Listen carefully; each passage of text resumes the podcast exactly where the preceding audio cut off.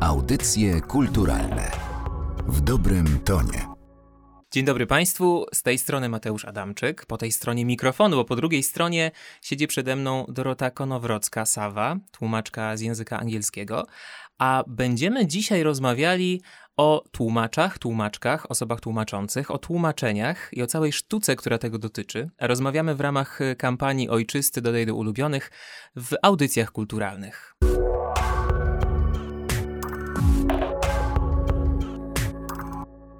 I jeszcze raz serdecznie witam Cię, Doroto, u nas tutaj w studiu. Dzień dobry.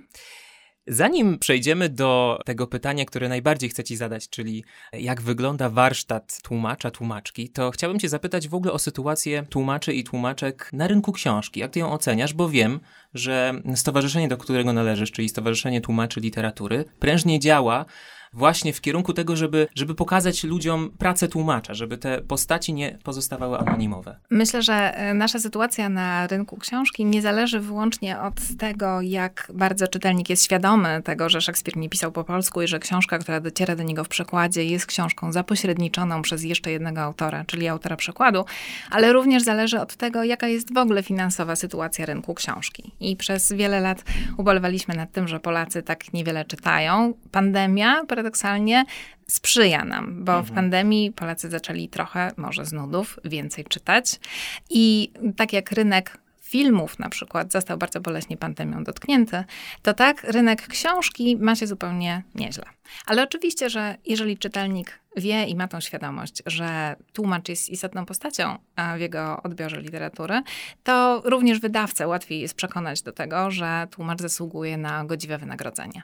Ta sytuacja też poprawia się, sytuacja finansowa tłumaczy, wtedy, kiedy tłumacze mogą rozmawiać ze sobą i mogą się wymieniać informacjami na temat tego, który wydawca dobrze płaci, który wydawca płaci na czas, jakie są stawki, bo wówczas stają się odporni na takie przekonywanie, może trochę mniej uczciwych wydawców, że na pana miejsce jest 10 innych osób, a typowa stawka wynosi 550 zł, bo nie jest to prawda. I wtedy, kiedy się zrzeszamy i wtedy, kiedy wymieniamy się informacjami, kiedy powstają raporty, e, takie jak raport stowarzyszenia na temat sytuacji finansowej tłumaczy, na temat średnich stawek na rynku, na temat proponowanych warunków, to wtedy zyskujemy wiedzę i tym samym stajemy się silniejsi na rynku książki. To jest bardzo ciekawe. Czy mogłabyś trochę o tym raporcie nam opowiedzieć? Bo on dotyczy pewnie tłumaczy, którzy tłumaczą z różnych języków i różnie te stawki się rozkładają, jak, jak sądzę, tak? Różnie te stawki się rozkładają. Jeżeli języki są mniej popularne, to te stawki są trochę wyższe, aczkolwiek to nie jest taka ogromna, radykalna różnica. Są trochę wyższe w przypadku mężczyzn niż w przypadku kobiet, co mm. też zauważyliśmy, że istnieje taki gender gap, co podobno wynika z tego, że częściej mężczyznom dostają się może bardziej takie interesujące czy prestiżowe przekłady. Ciekawe jest to, że nie ma takiego dużego, znaczącego skoku wynagrodzenia w zależności zależności od lat doświadczenia. To znaczy jest początkowy taki skok, który widać na przestrzeni powiedzmy pierwszych 4-5 lat istnienia na rynku przekładów. Natomiast później już to wynagrodzenie tak nie wzrasta, innymi słowy, nie ma tak dużej premii za doświadczenie. No to może, może jakieś konkrety. Porozmawiajmy o pieniądzach. Pewnie za arkusz jest stawka. Stawka jest za arkusz, czyli za 40 tysięcy znaków ze spacjami. I mam tutaj takie zestawienie, z którego wynika, że średnie stawki brutto za jeden arkusz autorski, w zależności od rodzaju publikacji, kształtowały się następująco. Na przykład w przypadku literatury naukowej to było 858 zł brutto, w przypadku komiksów 822 zł, w przypadku prozy artystycznej 732 zł, w przypadku literatury faktu i literatury popularno-naukowej 685 zł brutto. Tu schodzimy troszkę niżej, literatura dziecięca 659, poradniki 653. Jaki jest klucz bo kiedy ja myślę sobie o tych tłumaczeniach, które teraz wymieniłaś, o tych gatunkach właściwie tekstu, no to pewnie dla mnie trudniej by było przetłumaczyć książkę dla dzieci niż artykuł naukowy albo popularno-naukowy.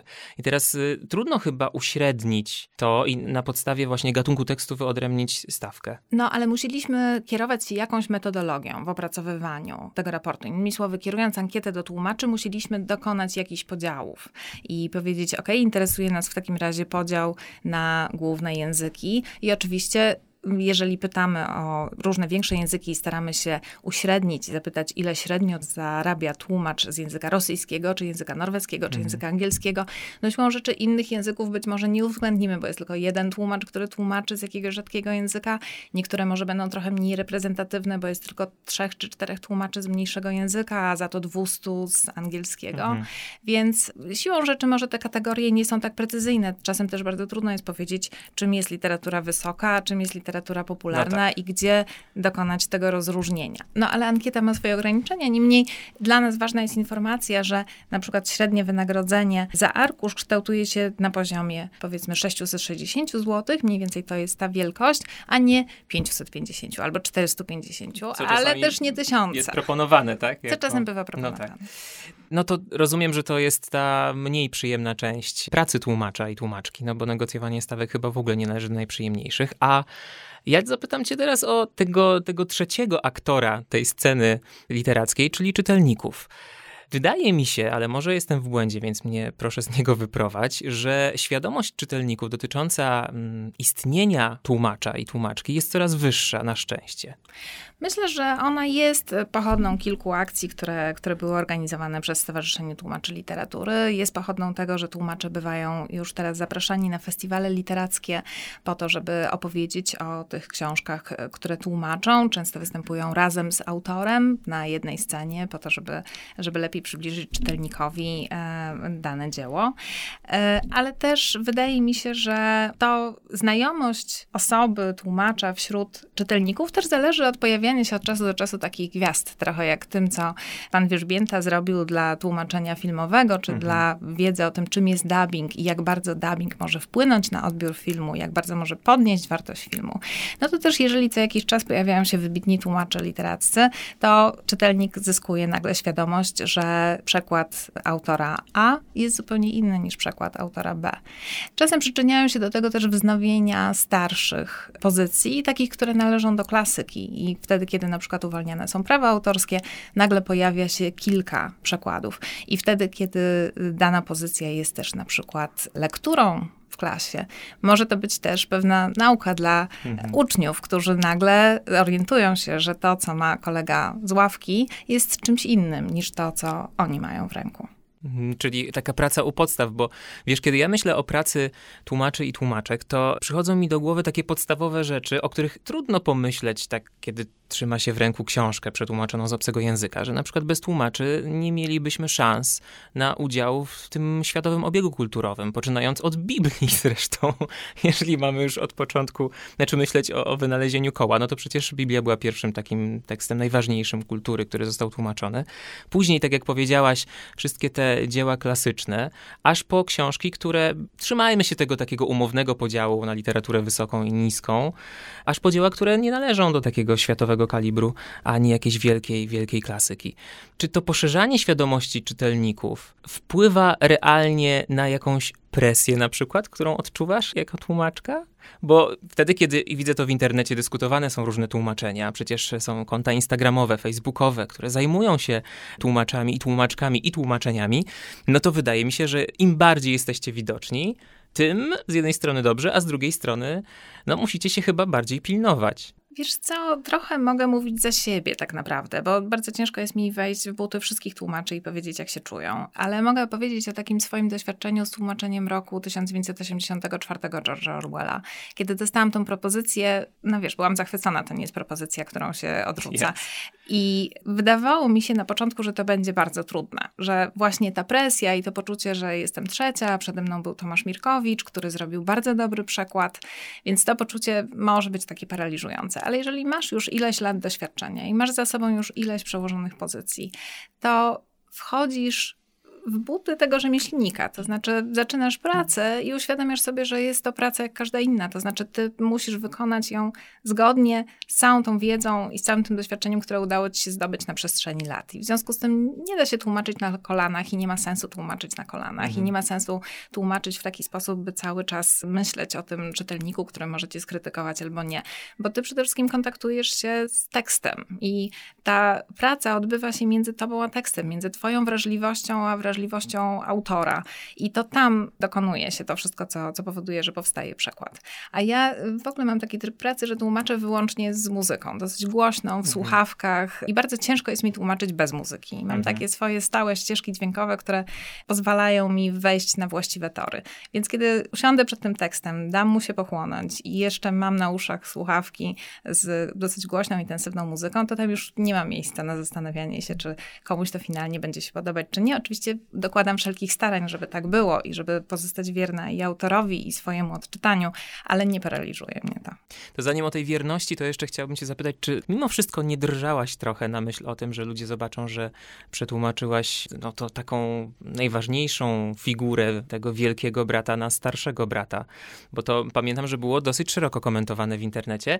Ale okazało się, że jest cała masa ludzi, którzy powiedzieli e, fantastycznie. Zawsze mnie to uwierało i zawsze tłumaczyłem sobie w głowie tego wielkiego brata na starszego brata. Przekładałem sobie sam to, co mhm. wydawało mi się niewłaściwie przełożone. Więc nie.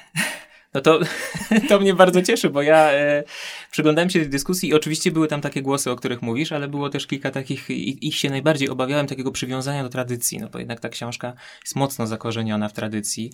Kiedyś e, w edukacji szkolnej, teraz nie wiem, czy tak jest, bo nie mam ze szkołą wiele wspólnego. No to przejdźmy właśnie do tej wierności, bo które z tych terminów, tłumaczenie, przekład, interpretacja, jest ci najbliższy w twojej pracy? No, musielibyśmy się najpierw dogadać co do definicji. czym jest interpretacja, czym jest tłumaczenie, czym jest przekład, ale to tutaj ty musisz wyciągnąć rękę do mnie, bo to ty jesteś akademikiem, a nie ja. Ja bym, wiesz co, poszedł jednak w stronę skojarzeń, bo przekład w mojej głowie kojarzy się właśnie z czymś takim zero-jedynkowym. Oto przekładam z tekstu A na tekst B. Tłumaczenie wydaje mi się z, znaczy kojarzy mi się z takim zaangażowaniem jednak intelektualnym, a interpretacja jest zaangażowaniem intelektualnym i artystycznym takim czynnikiem, który właśnie pozwala na, który jest możliwy tylko dla osób, które mają talent. No więc wydaje mi się, że w ogóle nie ma mowy o takim, no i teraz którego słowa użyć, tłumaczenie, przekład. Y, nie ma mowy o tworzeniu tekstu literackiego w języku polskim bez zaangażowania intelektualnego i bez zaangażowania artystycznego. To znaczy, po pierwsze, po to, żeby przetłumaczyć cokolwiek, musisz zrozumieć zrozumieć, o czym jest mowa i nie da się przekładać pensetką słów z jednego języka do drugiego. To jest chyba określenie Michała Kłobukowskiego, tak mi się wydaje o tym przekładaniu pensetką. W każdym razie nie da się tak przekładać słów z jednej szufladki do drugiej bez zrozumienia, o co chodzi. A w przypadku literatury, literatury pięknej, czy nawet literatury faktu, czy innych tekstów użytkowych, no nie da się mm, stworzyć dobrego polskiego, przekonującego tekstu bez zaangażowania jakiegoś swojego zmysłu artystycznego. Bo oczywiście, że te teksty są różne. To znaczy, jeden ma wywołać jakieś liryczne wzruszenia, inny ma nas oburzyć, jeszcze inny ma mieć przede wszystkim jakąś taką wartość retoryczną albo popularyzatorską. One mają różne funkcje i oczywiście musimy jakoś rozpoznać, jaką funkcję pełni dany tekst. Natomiast jeżeli my nie uruchomimy w sobie jakiegoś takiego nerwu retorycznego na przykład, to będzie nam bardzo ciężko przekonująco przełożyć tekst na przykład popularno-naukowy, bo on musi być jednak finalnie skierowany do czytelnika czytelnika i napisany tak, jak my byśmy go napisali w języku polskim, dysponując naszym arsenałem na przykład środków lit- e, mhm. retorycznych. I być może anglosaski repertuar środków retorycznych jest inny niż nasz. I w związku z tym, jeżeli tłumaczowi przychodzą do głowy pewne rozwiązania, których może nie ma tak bezpośrednio w oryginale, ale one się mieszczą w tym arsenale środków retorycznych, no to należy po nie sięgnąć. Więc ja bym może takiego, takiego rozróżnienia nie dokonywała. Natomiast oczywiście, że jest jakieś spektrum między takim przekładem bardzo bliskim, takim przekładem e, lingwistycznym, bardzo mhm. bliskim takiej literze oryginalnego tekstu, a adaptacją, czyli czymś w rodzaju przekładu pana Marianowicza, na przykład Alicji w Krainie mhm. Czarów, czy czymś takim swobodnym, no, co często się widuje na przykład w literaturze dziecięcej. Więc to spektrum jest bardzo szerokie i bardzo wiele też zależy od tego, jak tłumacz odbiera dany tekst. To znaczy, jeżeli tłumacz znakomicie go rozumie, to jest właśnie jakiś rodzaj jego wrażliwości, to jest jakiś humor czy jakaś ironia, która znakomicie do niego trafia.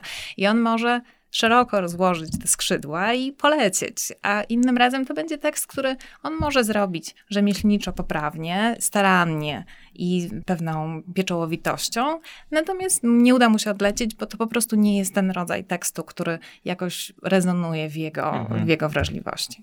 To jest y, bardzo ciekawe, o czym powiedziałaś, że słuchasz muzyki podczas tłumaczenia, bo ja często spotykam się w wywiadach z tłumaczami z takim określeniem, że trzeba mieć słuch do tłumaczeń, że trzeba słyszeć, jak ten język płynie, e, jak on brzmi, jaki jest rytm danej powieści, danego tekstu. I niektórzy potrzebują tego ciszy, z tego co wiem, takiej absolutnej nawet, a niektórzy, tak jak ty, potrzebują tego mocnego brzmienia, bo mówisz, że słuchasz tej muzyki bardzo głośno. I zastanawiam się, właśnie, no skoro to jest słuch, poniekąd pewnie też słuch muzyczny, to ty dobierasz te utwory jakoś, czy do każdego do tłumaczenia masz swoją playlistę składającą się z tam kilkudziesięciu, kilkuset utworów i one po prostu losowo tam lecą? Czasem się zdarza, że mam playlistę do danego tłumaczenia i że idzie mi bardzo ciężko, dopóki nie wymyślę sobie tej playlisty do danego mm. tłumaczenia. Przy czym te utwory zwykle są już spalone na końcu procesu tłumaczenia. To znaczy, jeżeli przez y, trzy miesiące puszczasz sobie nieustannie dzień po dniu tą samą playlistę, to nawet jeżeli ona ma trzy godziny, to po trzech miesiącach już nie jesteś w stanie tego słuchać. To jest jakby jedna rzecz. Natomiast mam też taką dyżurną playlistę, która służy mi w bardzo różnych sytuacjach, ale też ja nie bardzo wierzę w to twierdzenie, że język ma ten swój rytm i że ja powinnam oddać ten rytm. Dlatego, że no pomyśl o takich językach, których pewnie ani ja, ani ty nie znamy, o jakimś mhm. japońskim albo koreańskim i pomyśl, jeżeli kiedykolwiek widziałeś jakieś japońskie czy koreańskie kino, jak to brzmi w twoich uszach. To w ogóle nie brzmi. Mhm to nie ma nic wspólnego z brzmieniem polszczyzny. I w związku z tym próba oddania tego w polszczyźnie jest z góry skazana na niepowodzenie. Jasne. Jeżeli masz język angielski, który jest bardziej taki krótki i szybki. To mhm. się bardziej, nie jestem w stanie pokazać tego do mikrofonu, znaczy mogę wyłącznie w tym studiu nagraniowym pokazać, ale w każdym razie usiłuję zrobić jakąś taką falę, która w języku angielskim jest falą o krótszym okresie. Mhm. Natomiast język polski ma jakby tą falę o dłuższym okresie. On się inaczej układa. I w związku z tym wydaje mi się, że nie ma co się przywiązywać do tego brzmienia w języku angielskim. To, co chcemy oddać, to jest atmosfera jakiegoś utworu, to jest ironia, która tam jest, to jest humor, to są jakieś manieryzmy, to są postaci, które powinny być, powinny się jawić polskiemu czytelnikowi jakoś podobnie do tych postaci, które jawią się czytelnikowi angielskiemu. Mówię angielskiemu, bo ja akurat tłumaczę mhm. z angielskiego. To są jakieś realia, które staramy się oddać, to są jakieś obrazy, które równo staramy się odmalować w jakimś detalu, jak i oddać tę atmosferę, czy grozy, czy jakiegoś liryzmu, czy czegoś bardzo pogodnego i sympatycznego. Więc to staramy się oddać, a nie brzmienie mowy. Tak mi się wydaje. Pomyślałem teraz, y, kiedy mówiłaś o tym, że staracie się oddać klimat, staracie się oddać y, jakiś też kod kulturowy, oczywiście to przypomniało mi się, że zanim zostałaś tłumaczką, byłaś dziennikarką. Czy ten twój dziennikarski zmysł przydaje się czasami w tej pracy? Na pewno pozwala łatwiej wyszukiwać informacje. To znaczy, jeżeli masz ze sobą 10 lat wyszukiwania informacji nieustannego, czy nieustannego zaznajamiania się z nowym tematem, no bo praca dziennikarza polega na tym, że początkowo nic nie wiesz i najpierw usiłujesz się dowiedzieć. Yes. Więc pamiętam z tej pracy dziennikarskiej, że bardzo często wyglądało to tak, że zgłębiając jakiś nowy temat, najpierw dzwoniłam do jednej osoby, która wydawała się przychylnie nastawiona i komunikatywna, próbując z niej wydobyć odrobinę informacji. Potem posługiwałam się tą informacją w rozmowie z drugą osobą, gromadziłam tego więcej. Z trzecią osobą już wyglądałam prawie na kogoś, kto wie o czym mówi. Więc w tym sensie mm, ten warsztat dziennikarski bardzo się przydaje do wyszukiwania, sprawdzania, weryfikowania informacji, a my się stykamy z tym nieustannie, niezależnie od mhm. tego, czy tłumaczymy literaturę piękną, która jest romansem historycznym z czasów Borgiów, mhm. czy też jest to jakaś praca popularno-naukowa o genetyce, no to przede wszystkim musisz na początku zrozumieć, o czym ty właściwie piszesz. Będzie ci bardzo ciężko przetłumaczyć cokolwiek, nie rozumiejąc jakichś podstaw tego, co tłumaczysz w języku polskim. Ale też powiedzieć, powiedziałabym, że ta praca dziennikarki nauczyła mnie tego, że tekst przede wszystkim ma trafiać do czytelnika. Mhm. Bo dziennikarze pracują na tekstach, które sami napisali, ale spotkają się z redaktorami, którzy mówią: Słuchaj, może to, co masz w środku, to jest najciekawsze, wyciągnij to na początek. A to jest nieistotne, to może albo to wyrzuć na koniec, albo w ogóle to wyrzućmy. E, skróćmy, żeby czytelnikowi było łatwiej. Więc w tym sensie taki warsztat, czy to, co napisałam, jest dobre, czy to przemawia do czytelnika, czy to jest interesujące, czy to nie jest nadmiarowe, czy tego nie usypia, jest bardzo przydatne dla tłumacza. No to właściwie możemy powiedzieć, że tłumacz y, jest y, współautorem takiej powieści, bo pomyślałem też o jednej rzeczy. Czytasz jakąś książkę, albo już ją tłumaczysz, bo nie wiem, czy masz taki zwyczaj, żeby czytać najpierw książkę w całości, którą masz przetłumaczyć. Kiwasz głową, że nie. Tego się spodziewałem. Ale tłumaczysz jakąś książkę i widzisz, że ona jest dobrze napisana, podoba ci się. No, są takie słabsze fragmenty, każdemu się zdarzają, nawet wielkim pisarzom się zdarzają. Masz taką pokusę, żeby te fragmenty wyszlifować, żeby, żeby dostawały do tych, które zostały napisane w sposób mistrzowski trochę wcześniej?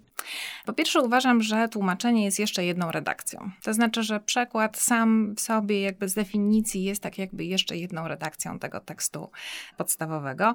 Więc jeżeli, to może trochę inny przypadek, ale jeżeli się zdarzy, że autorowi się coś pomyliło, pomylił fakty, jego góra ma inną wysokość niż ma w rzeczywistości, umieścił w jakiejś scenie kogoś, kto na początku ma sukienkę zieloną, a później ma nagle sukienkę niebieską, no to należy mu podać rękę i go wyratować z tych tarapatów. Druga rzecz, jeżeli mam wrażenie, że jakiś fragment jest słabszy, ale jednocześnie są jakieś narzucające się rozwiązania, to wychodzę z takiego założenia, że kieruję się tym, co autor by napisał, gdyby miał bardzo dobry dzień i bardzo dużo czasu na to, żeby ja, się zastanowić. Jesteś, ja bym chciał, żebyś tu była moją tłumaczką, gdybym pisał po angielsku. Nie, bo zwykle widzisz. Znaczy, jeżeli to jest jakieś rozwiązanie, które się ewidentnie narzuca i nie wymyślasz tego, to nie jest tak, że tworzysz ten świat za niego, czy tworzysz tą scenę za niego, ale jest to coś, co łatwo przychodzi ci do głowy, to nie zostawiam go tam, żeby się utopił we własnej niekompetencji albo we własnym kiepskim samopoczuciu tego dnia,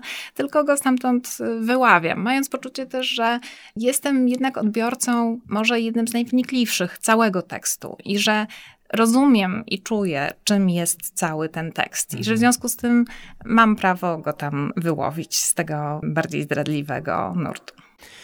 Wiesz co, teraz mam w głowie taką myśl, która jest z jednej strony niepokojąca, a z drugiej strony ożywiająca, ponieważ pomyślałem teraz, że jeżeli mówimy o historii literatury światowej, która na przykład jest wykładana na różnego rodzaju studiach, to ten wspólny mianownik będzie pewnie w jakiejś fabule, powiedzmy powieści, no ale na dobrą sprawę mówimy o wielu różnych książkach, bo mówimy o wielu różnych tłumaczeniach. Czyli całe to zagadnienie literatury światowej nie jest tak uniwersalne, jakby się mogło wydawać, prawda? Znaczy, jeżeli rozmawiamy na przykład z Anglikiem o jakiejś książce, która została napisana po angielsku, a czytaliśmy ją właśnie w tłumaczeniu, to mówimy trochę o dwóch różnych książkach tak, ale jednak cały czas masz, wiesz, no Achilles pozostaje Achillesem i treść y, mitów się nie zmienia i w Biblii oczywiście no też są różne przekłady i to zresztą jest w ogóle pasjonujące zagadnienie, bo, bo oczywiście większość ludzi jest przekonana, że istnieje tylko przekład Biblia Tysiąclecia, mhm. tych przykładów jest bardzo dużo i one czasem mają bardzo różne i dziwne i ciekawe odczytania. Natomiast tak naprawdę ten rdzeń chyba pozostaje taki sam i chyba jakoś go intuicyjnie czujemy. A z drugiej strony, ja jako czytelniczka chciałabym dostawać książki w przekładzie, które zostały przepuszczone przez taką wrażliwość i talent najlepszych twórców literatury. I tak coś mi się skojarzyło takiego może trywialnego. Jest taka książka, którą bardzo lubiłam jako dziecko i ona nosi tytuł Bajki Ludów Północy. Mhm. I dopiero później jako osoba dorosła gdzieś ją znalazłam w jakimś antykwariacie, kupując ją dla własnych dzieci, bo bardzo dobrze ją zapamiętałam jako taką bardzo przekonującą i taką, takie cudowne były te bajki dla, dla dzieci o, o tych zwierzętach zwierzętach, które zamieszkiwały tą północ i o ludziach, którzy szukali słońca. I dopiero później zobaczyłam, że to zostało przetłumaczone przez Brzechwę. Mhm. I być może dlatego to było tak znakomite i tak przekonujące, że zostało przełożone przez Brzechwę. Więc w ogóle nie martwi mnie taka myśl, że być może to nie jest idealnie to, co tam zostało napisane w tym czy w innym języku. Chyba bardziej by mnie interesowało to, żeby trafiało to w ręce kogoś, kto ma wystarczająco dużo talentu językowego i literackiego, żeby stworzyć coś przekonującego w języku polskim. Myślę, że to jest to określenie chyba, którego też nie jestem autorką. Wydaje mi się, że mhm. pierwszy raz słyszałam je u Jerzego Jarniewicza, że tekst przekładu powinien być przekonujący, że powinien mhm. istnieć samodzielnie w polszczyźnie i nie być czymś, co się opiera o ten oryginał oryginał w taki sposób niesamodzielny, że jak usuniemy ten oryginał, to to się przewróci, tylko stoi pewnie na własnych nogach i dociera do czytelnika mocą własnego przekazu, a nie tylko dlatego, że jest odbiciem tego tekstu oryginalnego. No to jeżeli chodzi o czytelników, to przecież wiele osób jest dwujęzycznych czyta i w oryginale po angielsku na przykład i po polsku. Miałaś takie sytuacje, że ludzie do ciebie pisali i mówili, no ale przepraszam, tutaj jest tak to napisane, a pani to przetłumaczyła w taki i w taki sposób. Jak w najlepszym przypadku jest pewnie takie pytanie, a w najgorszym sypią się na ciebie gromy. Wiesz co, tłumacz chyba rzadko spotyka się z taką agresją czytelnika, czasem się spotyka z agresją redaktora. I to jest zwykle bolesne, to znaczy ja stosunkowo rzadko się spotykam z takimi sytuacjami ze strony redakcji. Teraz akurat niedawno tak mi się właśnie zdarzyło mhm. i zrozumiałam może na czym polega nieporozumienie, to znaczy pani redaktor przyglądała się każdemu zdaniu oddzielnie i jakby każde zdanie oddzielnie mhm. starała się przełożyć na ten język polski, podważając to, co ja zrobiłam. Ja bardziej patrzę i wydaje mi się, że jest to jedyne słuszne. No, patrzę w kontekście całego akapitu, całego rozdziału, całego opowiadania, całego tekstu, bo żadne dzieło literackie no, nie jest oddzielnym zbiorem oddzielnych zdań. To mhm. wszystko się ze sobą wiąże i wszystko razem ma tworzyć przekonującą całość. Więc oczywiście czasem takie spotkania z kimś, komu wydaje się, że wie lepiej, są trudne. Natomiast wydaje mi się, że zwykle nawet ktoś taki zaczyna rozumieć skąd się bierze to nieporozumienie, kiedy zaczyna próbować przełożyć sam. Mhm. Czyli nie tylko zakwestionować ten przekład, z którym ma do czynienia, tylko próbuje sam uzyskać coś, co będzie ciekawe, przekonujące, zabawne, jeśli oryginał był zabawny, ironiczny, jeżeli oryginał był ironiczny. I okazuje się, że się potyka, przewraca mhm. na takiej nieprzekładalności, która wynika z tego, że czasem nieprzekładalne są pojedyncze słowa, ale całość mimo wszystko udaje nam się przełożyć. A bywało tak, że dostawałaś jakąś propozycję tłumaczenia, wysyłałaś, po to się wysyła jakąś próbkę, prawda? Zanim. No, jeżeli nawiązujesz współpracę z nowym wydawnictwem, to zdarza się, że wydawnictwo prosi o próbkę. I zdarzało się, że mówili, nie, to, to jednak nie to. Tak, absolutnie mi się tak zdarzyło. Parę lat temu nowe wydawnictwo poprosiło mnie o przekład, a ja może jeszcze trochę taka spłoszona i niepewna mhm. wysłałam im taki przekład szkolny, taki bardzo zachowawczy, bardzo konserwatywny i w którym nie poważyłam się na to, żeby polecieć wyżej. Oni go odrzucili, zaproponowali mi jeszcze inną rzecz. I wtedy pomyślałam, nie no dobrze, nie będę się zmuszać, żeby to robić w taki szkolny sposób, więc zrobiłam to tak, jak lubię. No ale wtedy dostałam odpowiedź, nie, nie, za bardzo odchodzi pani od oryginału. Właśnie no, chciałem o to zapytać, czy Nie udało mi się odlecieć strzelić. w drugą stronę. Czyli tak źle i tak niedobrze. Ale wiesz, to w dużej mierze też zależy od tego, czego oczekuje dany wydawca mhm. i co lubi dany tłumacz, bo też nie ma takich żelaznych zasad, które mówiłyby, że należy to robić absolutnie wyłącznie w taki sposób albo w taki sposób. Że dużo zależy od tego, co potrafi i co chce zrobić tłumacz i co chce, czy gotowe jest zaakceptować wydawnictwo. Na pewno pan Antoni Marianowicz też by się spotkał z takimi wydawcami, którzy by powiedzieli: O, nie, nie, nie, bardzo nieładnie pan tutaj tłumaczy, za daleko pan odbiega, skraca pan, upraszcza, a tutaj pan wymyślił to sam i to jest nieuprawnione. Więc wszystko zależy od tego, z kim się współpracuje, na jakich zasadach, jaki to jest tekst. I tak jak mówiłam wcześniej, przy niektórych tekstach można polecić wyżej, przy niektórych, no niestety blisko przy ziemi. To teraz y, chciałbym cię zapytać o inną twoją rolę, o rolę czytelniczki. Kiedy czytasz e, książki tłumaczone z języka angielskiego, oceniasz też przekład? Masz z tyłu głowy takiego chochlika, który nie daje ci spokoju i mimo, że chciałabyś przeczytać tę książkę, jak każdy przeciętny czytelnik, to nie potrafisz tego zrobić? No nie potrafię już przeczytać takich książek ewidentnie źle przetłumaczonych, na takich, które gryzą w oczy i jest mi trudno wtedy, ale po prostu nie zmuszam się, ani nie oburzam, ani nie piszę listów protestacyjnych, po prostu ich e, nie czytam. Natomiast właściwie wystarczy mi to, że książka jest przetłumaczona w taki sposób, żeby nie budziła moich protestów, a czasem mi się zdarza pisać do kolegów tłumaczy, albo nawet nie kolegów, bo czasem ich nie znam i piszę bardzo dziękuję, że to zostało tak znakomicie no. zrobione. Często zdarza mi się doceniać tłumaczy, którzy tłumaczą książki dla młodzieży, bo mam troje dzieci, wszystkie mhm. są nastolatkami, widzę co czytają i mam tą świadomość, że ten język nowego pokolenia nie jest kształtowany przez literaturę wysoką, tylko przez te seryjniaki, które mają mhm. po 14 tomów, przez tego Stalkera, serię Metro, zwiadowców, mhm. wojowników. To jest to, co kształtuje język tego nowego pokolenia. I jeżeli to jest dobrze zrobione, to jest to, wydaje mi się, dużo ważniejsze niż nowe tłumaczenie Joyce'a na przykład. Bo nowe tłumaczenie Joyce'a dotrze do no, bardzo zainteresowanych czytelników o bardzo wyrobionym podniebieniu i zainteresuje akademików albo tych, którzy uważają, że no, warto się snobować mhm. na literaturę tak wysoką. Natomiast cała ta młodzież czytająca w pociągach i przy lampce nocnej we własnym łóżku, ona nasiąka tym, co zrobił na przykład pan Paweł Podmiotko, którego mhm. z przyjemnością mogę tu przywołać, bo akurat to, co zrobił, jest świetne. Więc w tym sensie pan Piotr Cholewa, na przykład twórca przykładu Pratchetta, znakomitego zresztą, znaczy przykładu wielu, wielu, wielu książek Pratchetta, to on ma ogromny wpływ na, mhm. na nowy pokolenie i na język nowych pokoleń, no bo przecież jesteście też takimi osobami, które uzupełniają ten język ogólny o pewne mm, słowa, o pewne sformułowania, idiomy, frazeologizmy, które są czasami pewnie nieprzetłumaczalne z obcego języka i próbujecie szukać tych naszych odpowiedników polskich, ale pewnie część jest taka, którą sami proponujecie polszczyźnie, może tak to nazwę, bo co się potem z tym dzieje, to wiadomo, że e, losy są różne. A masz taką powieść, taką książkę, która byłaby tu i teraz dla ciebie takim spełnieniem marzeń jako tłumaczki? Którą ja chciałabym tak, przełożyć. Którą, z którą byś poszła do wydawnictwa i powiedziała, tutaj jest taka książka, bardzo bym chciała. I oni mówią, Wspaniale, proszę bardzo. Wiesz co, rzadko miewam takie książki. Szczerze mówiąc, ja zaczynałam od takiej książki. To znaczy, był taki moment, kiedy interesowałam się edukacją domową i niewiele było wówczas na temat edukacji domowej na polskim rynku dostępne. Mhm. Właściwie była jedna książka, może dwie.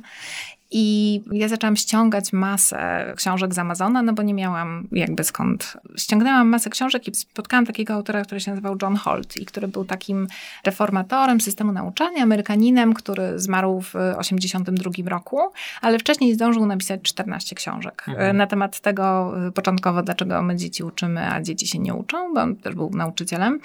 E, dlaczego dzieci się nie uczą mimo naszych wysiłków? Najpierw doszedł do wniosku, że trzeba robić coś inaczej, potem doszedł do wniosku, że właściwie cały system edukacji trzeba zaorać i wymyślić jakoś od początku. No to też był czas takiej rewolucji kulturowej lat 70. I on zrobił na mnie na tyle duże wrażenie, przeczytałam wszystkie te książki, że y, pomyślałam, natychmiast trzeba go przełożyć, bo to jest takie ważne, żeby on był dostępny na polskim rynku. Przetłumaczyłam trzy rozdziały, wysłałam do dwóch wydawnictw i jedno z tych wydawnictw powiedziało fantastycznie, zrobimy mhm. to. Trochę to była praca za orzeszki finalnie, jak się okazało. Natomiast dla mnie no, to był pierwszy przekład, który się ukazał. Zrobiłam z rozpędu jeszcze drugą jego książkę, po czym właściwie straciłam zainteresowanie tematem i w związku z tym mm. druga książka już na wieki pozostała w moim komputerze.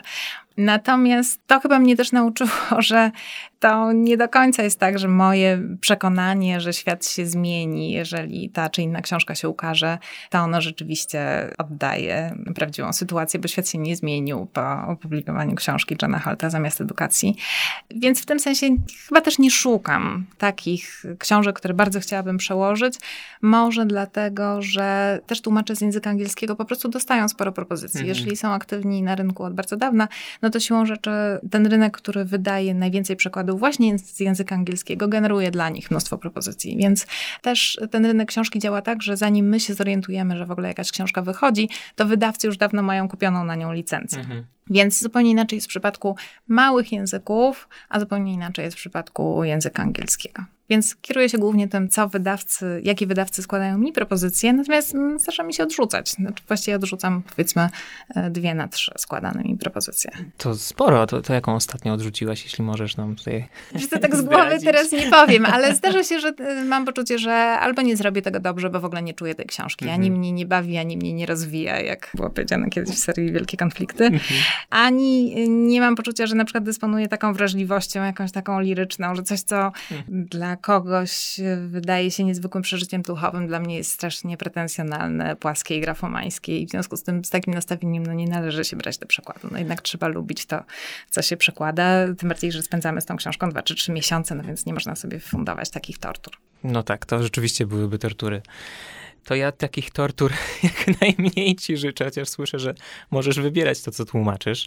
To jeszcze mam tylko jedno pytanie takie dotyczące samego języka, a właściwie języków, bo jest taki język, z którego chciałabyś też tłumaczyć poza angielskim? Czy pomyślałaś sobie kiedyś o jakimś autorze, którego czytasz w tłumaczeniu, myślisz, no to bym przetłumaczyła, ale nie znam tego języka, no więc nie mogę tego zrobić? Wiesz co, był taki, przy okazji tłumaczenia roku 84 czytałam różne książki, które wpłynęły na Orwella. I między innymi jest taka książka Jewgenia Zamiatina My Mhm. I ona została przetłumaczona w jakiś mistrzowski sposób przez pana Pomorskiego. I nigdy w życiu nie uda mi się niczego zrobić tak dobrze, jak zrobił to pan Pomorski. I jest tam zastosowana taka bardzo ciekawa interpunkcja, taki sposób e, składni podziału tych wszystkich zdań, który jest dla mnie zdumiewający, jednocześnie niezwykle odświeżający i ciekawy. I chciałabym przeczytać w oryginale, ale no wiesz, nie znam tego języka, mhm. tak żeby, żeby móc cokolwiek przeczytać, no z wyjątkiem może jakiegoś napisu na, na mieście. Więc nigdy się nie dowiem. Ale może nie muszę. Może to smakuje wtedy lepiej. Może smakuje lepiej, ale tak, zdarzają mi się takie, takie zachwyty. No, albo kiedy wróciłam ostatnio do całej serii o muminkach mhm. i czytam Dolinę Muminków w listopadzie, kiedy się zrobiło jakoś tak chłodniej. I też pomyślałam, że to, co zrobiła Teresa Chłopowska jest zupełnie niezwykłe. I też nigdy się nie dowiem, co tam było. Ale może nie muszę. To jest chyba to, co wszyscy musimy mieć, czyli zaufanie do tłumacza. Tym bardziej, jeżeli udaje mu się stworzyć coś, co jest tak poruszające. Jeżeli ta literatura jakoś się w nas odciska i jakoś nas zmienia, może to nie jest takie ważne, co było wyjściowo. To jest ten moment, w którym ja już nie mam nic do dodania, bo to było bardzo piękne podsumowanie naszej rozmowy, za którą Ci serdecznie dziękuję. Dziękuję. Audycje kulturalne w dobrym tonie.